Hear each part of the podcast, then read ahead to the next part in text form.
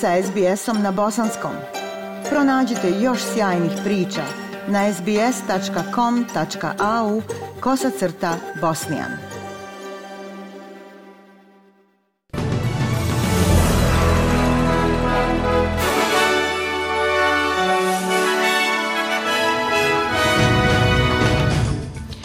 U današnjim vijestima poslušajte. Kralj Charles III. zvanično je proglašen za britanskog čelnika države na historijskoj ceremoniji u Londonu. Brojni događaji i u Australiji nakon proglašenja kralja Charlesa i u tenisu prvoplasirana Iga Svjatek nadigrala je petu onsđaber na US Openu. Slušate program SBS radija na Bosanskom. Kralj Charles III. zvanično je proglašen britanskim monarhom na tradicionalnoj ceremoniji u Londonu. Ceremonija zasnovana na drevnom ritualu i običaju uključivala je počasnu salvu i čitanje proklamacija širom grada i Ujedinjenog kraljevstva. Kralj Charles III je naslijedio svoju majku odmah nakon njene smrti u četvrtak, ali vijeće za pristupanje, koje se sastoji od stotinu političara, biskupa i visokih javnih službenika, sada formalno proglašava njegovo nasljeđivanje trona. Kralj Charles se obratio vijeću u palati St. James, rekavši članovima da je duboko svjestan dužnosti i teških odgovornosti koje je naslijedio.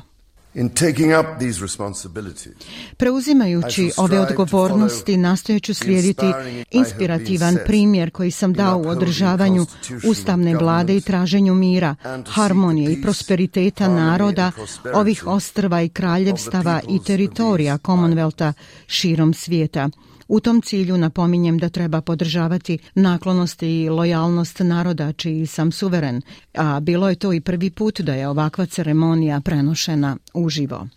Bivši premijer John Howard osjeća se pokojne kraljice Elizabete II. kao najuspješnijeg lidera s kojim je surađivao tokom svoje duge političke karijere. Gospodin Howard, koji se sastao s kraljicom u više navrata tokom 11 godina kao premijer, odao je počast govoreći na Sky News. A great leader Ona je bila veliki vođa, besprikoran ustavni monarh, neko ko je imao ogromnu naklonost prema našoj zemlji i neko ko je oduvijek znao da zauzima položaj na kojem se nalazi uz saglasnost ljudi.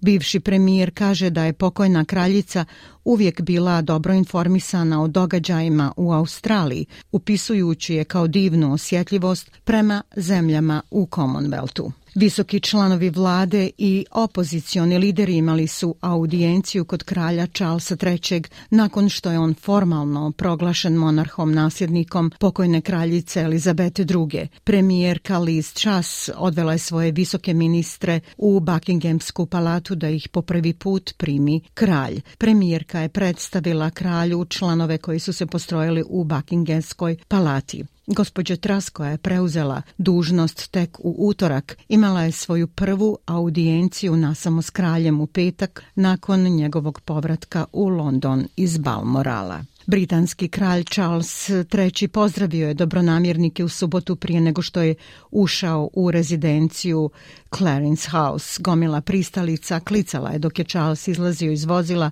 uz erupcije Bože čuvaj kralja iz gomile dok se rukovao. Kamila, kraljica supruga, također je razgovarala s građanima, rukovala se, mazila pse i povremeno primala cvijeće.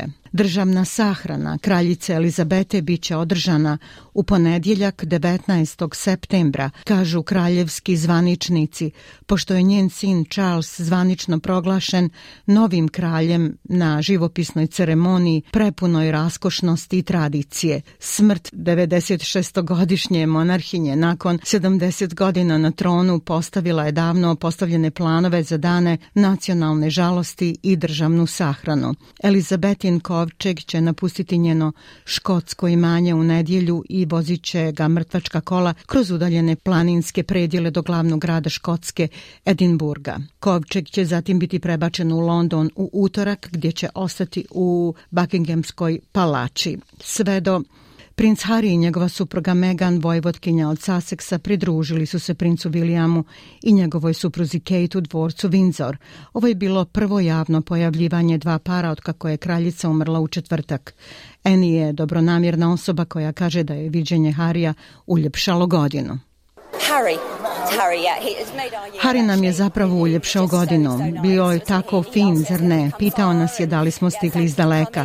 Hvala ti što si došao, bilo je sjajno. Bilo je tako lijepo pogledati njih četvoro zajedno. A Lorin Clark je još jedna dobronamjerna osoba. Um, Očigledno, oni su bili tužni, ali bilo je divno izaći i vidjeti sve. Mislim da je bilo zaista lijepo što su bili vani i što su bili sa William i Kate. Kralj Charles III zvanično je proglašen za novog suverena Australije tokom ceremonije u parlamentu. Proglas kojim se najavljuje monarhovo pristupanje nakon smrti kraljice Elizabete pročitao je generalni guverner David Harley. Whereas Zbog smrti naše slavne kraljice Elizabete II. kruna isključivo i s pravom došla je u ruke princa Charlesa Filipa Artura Georgia. Mi, dakle general počasni David Harley, generalni guverner Commonwealth Australije i članovi Federalnog izvršnog vijeća sada proglašavamo princa Charlesa Filipa Artura Georgia kraljem Australije i njegovih kraljevstava i teritorija poglavarom Commonwealtha i sa srdačnom i poniznom ljubavlju obećajemo mu vjeru i poslušnost. Izvršno vijeće Australije koje formalno savjetuje generalnog guvernera ranije se sastalo u Kamberi kako bi preporučilo proglašenje. Vijesti iz svijeta. Rusija je napustila svoj glavni bastion na sjeveroistoku Ukrajine u iznenadnom urušavanju jedne od glavnih ratnih linija fronta nakon što su ukrajinske snage brzo napredovale. Brzi pad izjuma u provinciji Harkov bio je najteži poraz Rusije od kako su njene trupe u martu potisnute iz glavnog grada Kijeva. Državna novinska agencija TAS citirala je Rusko ministarstvo odbrane da je naredilo trupama da napuste blizinu i pojačaju operacije na drugim mjestima u susjednom Donjecku dok je hiljade ruskih vojnika napustilo oružje i opreme dok su bježali.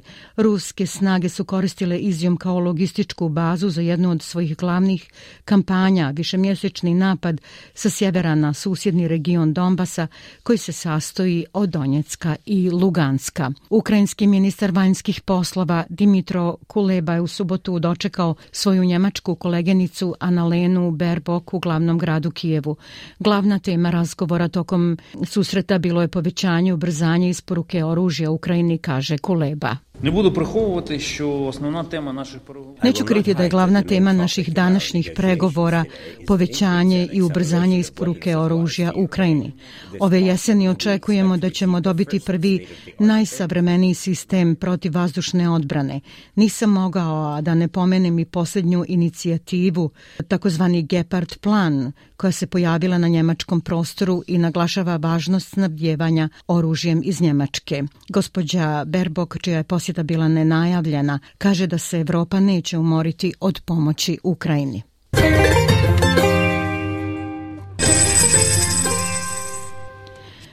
Prema kursnoj listi, australski dolar danas vrijedi 0,68 američkog dolara, 0,68 eura, 0,59 britanske funte i 1,33 bosanske konvertibilne marke. Vijesti sporta. Kako god da je bila dobra ova godina, Iga Svjatek je došla na US Open nesigurna šta da očekuje. Požalila se da žene koriste drugačije nešto lakše teniske loptice od muškaraca u Flushing Meadowsu gdje nikada nije prošla četvrtu rundu. Pokušala je da se navikne na buku i smetnje u žurbanost u Njujorku. Stigla je sa rekordom od samo 4 naprema 4, od kako je njen niz od 37 pobjeda prekinut u julu. Ništa od toga sada nije važno nakon što je prvoplasirana Svjatek nadigrala Ons Jaber na stadionu Arthur Ashe u subotu i osvojila svoj prvi šampionat na US Openu i treću Grand Slam titulu sveukupno. I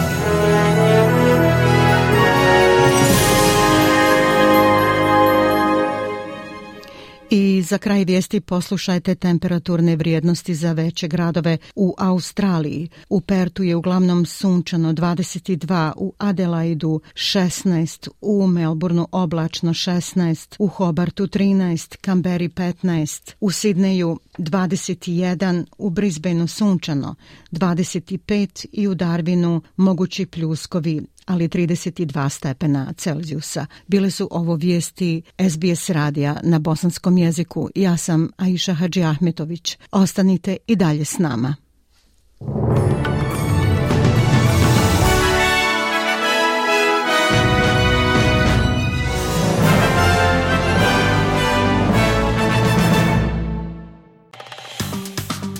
Like, share, comment.